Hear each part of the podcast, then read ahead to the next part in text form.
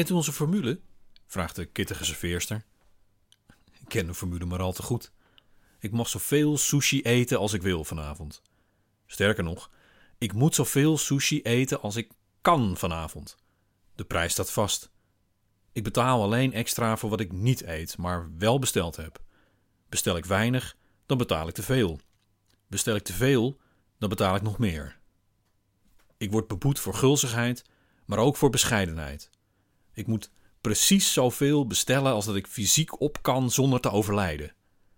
En zo snel mogelijk, want ons tijdslot was twee uur lang en ik kon geen parkeerplek vinden.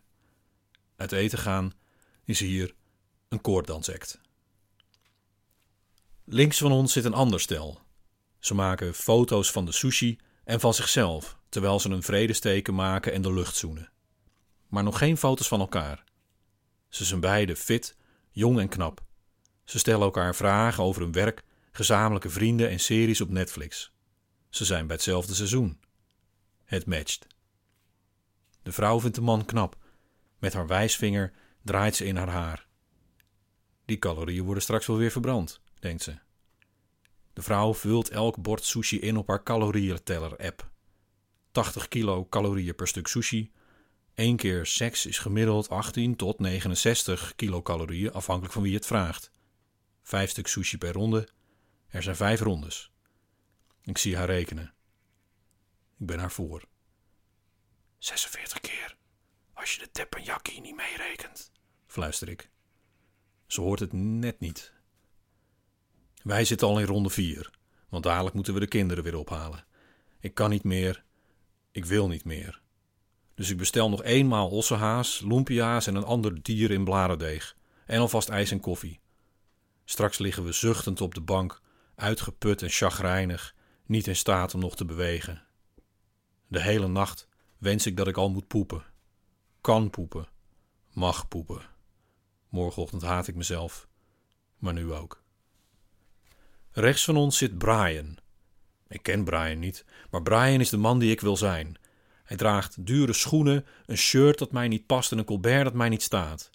Maar al had hij dezelfde hoodie en spijkerbroek aan als ik, hij ademt een vanzelfsprekendheid uit waarmee hij pauwenveren draagt die nooit vervagen. Brian gaat niet voor kwantiteit, maar voor kwaliteit. Hij hoeft al die bende niet, zegt hij vrolijk tegen zijn vriendin over haar menukaart heen. Hij is een fijnproever. Hij wil sashimi. Enkel de beste vis die de diepvries te bieden heeft, zonder rijstkussentjes of gefrituurde laagjes.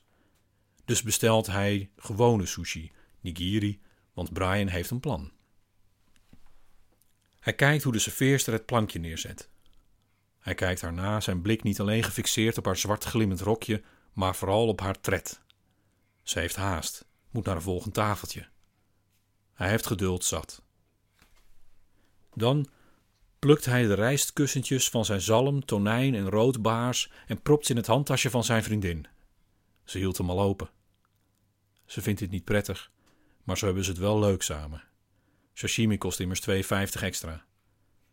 Ze ritst de tas gauw weer dicht.